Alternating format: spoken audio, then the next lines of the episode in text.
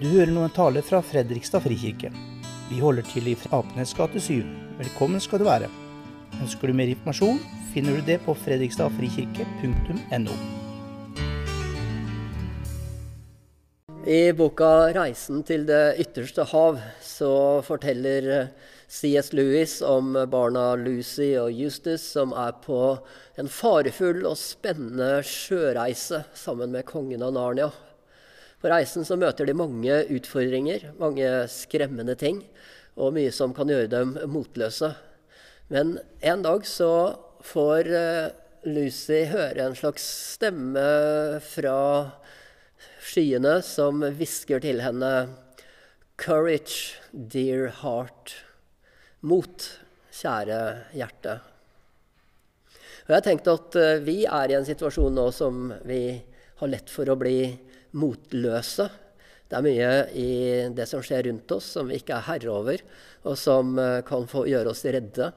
Tider med smitte, tider med usikkerhet. Og det er Maria budskapsdag. Og jeg lurer på har historien om Maria budskapsdag, Maria som får besøk av en engel, noe å si oss i den situasjonen som vi er i dag? Vi skal lese det som er prekenteksten, og den står i Lukas kapittel 1. Men da Elisabeth var i sjette måned, ble engelen Gabriel sendt fra Gud til en by i Galilea som het Nasaret, til en jomfru som var lovet bort til Josef, en mann av Davids ett. Jomfruens navn var Maria. Engelen kom inn til henne og sa, Vær hilset, du som har fått nåde. Herren er med deg. Hun ble forskrekket over engelens ord og undret seg over hva denne hilsenen skulle bety. Men engelen sa til henne, Frykt ikke, Maria, for du har funnet nåde hos Gud. Hør, du skal bli med barn og føde en sønn, og du skal gi ham navnet Jesus. Han skal være stor og kalles den høyeste sønn, og Herren Gud skal gi ham hans far Davids trone. Han skal være konge over Jakobs hus til evig tid det skal ikke være ende på hans kongedømme. Maria sa til engelen, Hvordan skal dette kunne skje når jeg ikke har vært sammen med noen mann? Engelen svarte, Den hellige ånd skal komme over deg, og den høyestes kraft skal overskygge deg. Derfor skal barnet som blir født, være hellig og kalles Guds sønn. Og hør, din slektning Elisabeth venter en sønn, hun også, på sine gamle dager. Hun som de sa ikke kunne få barn, er allerede i sjette måned. For ingenting er umulig for Gud. Da sa Maria, Se, jeg er Herrens tjenestekvinne. La det skje med meg som du har sagt. Så forlot engelen henne.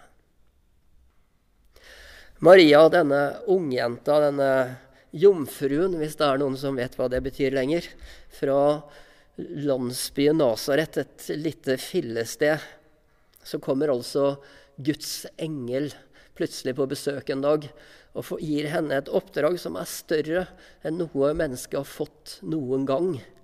En oppgave å skulle føde det som skal kalles Guds sønn, sier engelen. Og Maria hun blir ofte framstilt som en eh, underdanig tjenesteskikkelse, en ganske viljeløs person. Men når jeg leser denne teksten, så ser jeg egentlig noe motsatt. Noe helt annet.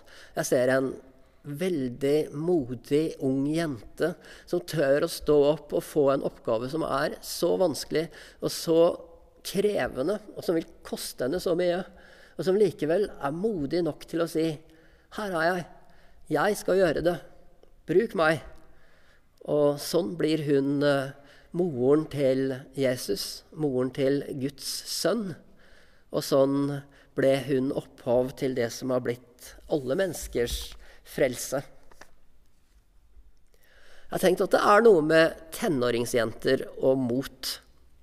Ta f.eks. En, en jente som er kjent fra vår egen tid, Greta Thunberg. Hun var 15 år gammel da hun satte i gang med skolestreiker for miljøet. Og hun uh, sto på alene lenge. Og så ble hun oppdaga, og så ble hun løfta fram i rampelyset. Og hun ble løfta fram helt inn til uh, FN, til å tale for de store og mektige der.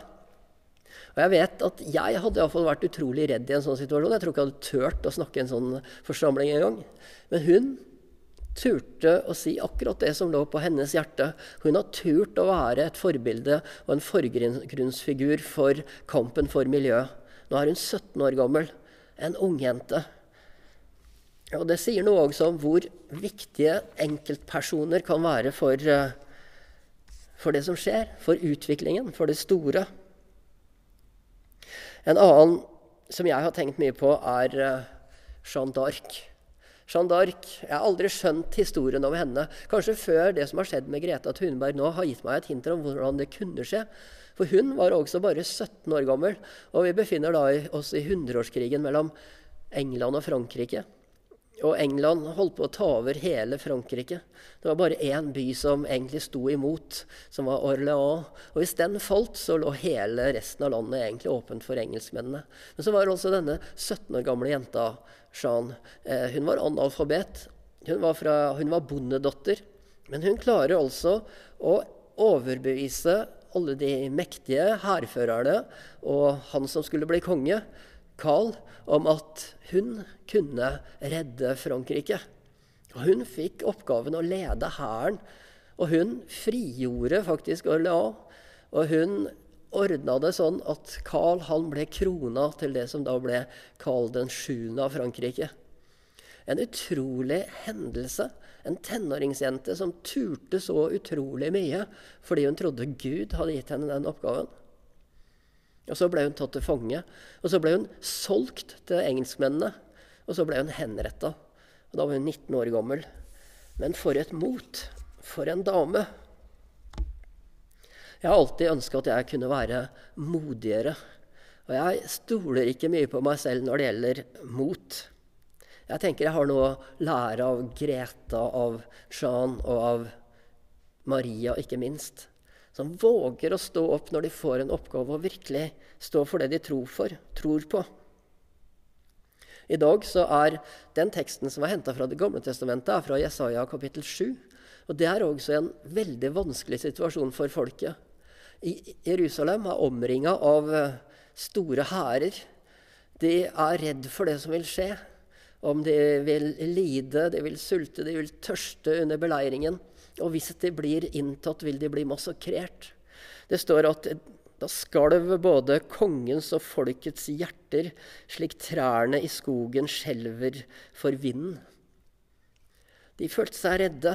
Og i den situasjonen er det også at Jesaja han kommer og sier at dere skal få et tegn fra Gud. Og det tegnet skulle være følgende.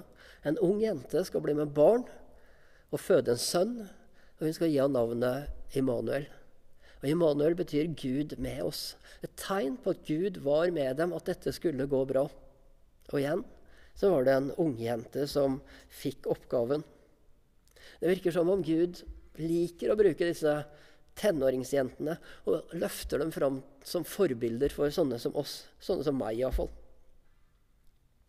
At i kriser så forteller de at Gud er fortsatt med oss, Gud er til stede. I Bibelen så står det mange steder om 'vær modig og sterk'. Men hva er det egentlig å være modig? Jeg tror at det å være modig betyr ikke å være uredd. Kanskje trenger man å være redd for å være modig. For det å være modig handler ikke om hva du føler inni deg, men det handler om hvordan du faktisk handler. Hva du gjør. Det går an å være redd og modig samtidig. Og Kanskje det aller beste eksempelet er Jesus i Getsemane. Siste kvelden. Han vet han skal lide og dø, og han er dødsredd. Han har dødsangst, står det. Og han sliter og roper til Gud om å slippe. Han er redd. Og likevel så er han modig nok til å gå inn i det han vet kommer. Å være redd og være modig, det går helt fint sammen. Men eh, hvordan er vi modige i den situasjonen vi lever i nå? Når vi står overfor ikke en hær som omringer oss, men et virus som sniker seg inn i byene våre, og som vi alle kan rammes av. Hvordan kan vi være modige? Jeg tror ikke det er å ikke være redd for hva som skal skje. Eller jeg tror heller ikke det er å være dumdristig og late som ingenting er farlig. Men jeg fikk noen hint i noe som skjedde i 1527. Det året var det pesten som herja i store deler av Europa. Og det nærma seg også Wittenberg. Og de første i Wittenberg begynte å bli syke, og folk var redde. Hva skal skje med oss? Og de gikk og spurte Martin Luther hva skal vi gjøre. Han skrev et lite skrift som het uh, 'Hvorvidt man skal uh, flykte fra den dødelige pesten'. For det lurte på. Skal vi flykte ut på landet? Skal vi være her? Og han ga noen konkrete råd. Han sa at øvrigheten, dere må bare være her. Fordi at alle er avhengig av at dere gjør den jobben dere har, er satt til. Samfunnet må fungere. Og prestene, sa han, dere må forbli uh, urokkelige overfor faren for død. Altså selv om de faktisk kunne dø, sier han, så skal dere være urokkelige. Dere skal, dere skal være her, og dere skal oppmuntre de redde. Dere skal gå til de syke med sakramentene. Og Så sier han at folk som er f.eks. leger eller har politimyndighet, de må være der for at ting skal fungere. Og alle som har ansvar for noen andre, de kan ikke bare flykte. Men resten, hvis du er helt alene, hvis du ikke har ans spesielt ansvar, så må du vurdere det sjøl. Om du vil være i byen, eller om du vil reise. Og han sier at vi har alle ansvar for, så godt vi kan, å beskytte oss mot giften. Fordi Gud har pålagt oss å ha ansvar for kroppene. Og det høres jo ganske moderne ut. Det er sånn vi kunne sagt i dag. Og egentlig så er det sånn at folk har egentlig tenkt ganske likt til alle tider. Hvordan beskytte seg, hvordan beskytte kroppen sin. Tenke på at alt dette er Guds gode gaver. Dumdristighet er ikke lurt. Man skal prioritere sin egen sikkerhet, men man skal også først og fremst se til hva som er best for fellesskapet og ens neste. Og Jeg tror den beste grunnen som Luther hadde, og som vi fortsatt har til å, til å være modige og gjøre det rette i den situasjonen vi er, det er det tegnet som Jesaja sa skulle komme. Immanuel som skulle fødes. Og Maria som var den som bar Immanuel, Guds sønn, som forteller at Gud er med oss inn i vår virkelighet, inn i vårt liv, inn på, i vår verden. Og når Gud er med oss, da er vi jo trygge uansett. Vi kan være modige, selv om vi kan være redde, fordi at vi vet at når Gud er med, så har vi den sterkeste på vår side. Jeg skal lese hva Paulus skriver i slutten av romerbrevet. For jeg har visst på at verken død eller liv, verken engler eller krefter, verken det som nå er eller det som kommer, eller noen makt, verken det som er i det høye eller i det dype, eller noen annen skapning, skal kunne skille oss fra Guds kjærlighet i Kristus Jesus, vår Herre. Courage, dear heart. Mot, Kjære hjerte, du trenger det. Må Herren velsigne deg og bevare deg. Herren la sitt ansikt lyse over deg og være deg nådig. Herren løfte sitt åsyn på deg og gi deg fred. Amen.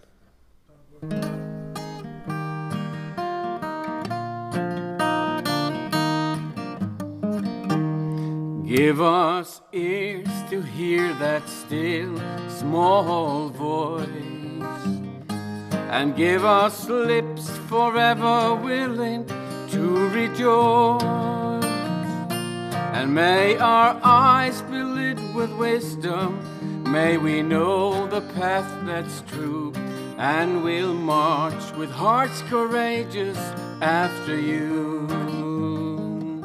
We're marching on with hearts courageous we follow anywhere you want us to. And should you lead us where the battle rages, we will march with hearts courageous after you. And when sorrow dims the light along the way, Help us to see each time of darkness through eyes of faith. A time for hope, a time for courage, knowing you will lead us through. And we'll march with hearts courageous after you. We're marching on with hearts courageous.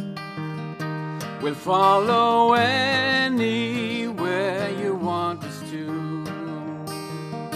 And should you lead us where the battle rages, we will march with hearts courageous after you. We're marching on with hearts courageous. We'll follow anywhere you want us to. And should you lead us where the battle rages, we will march with hearts courageous after you. We will march with hearts courageous after you.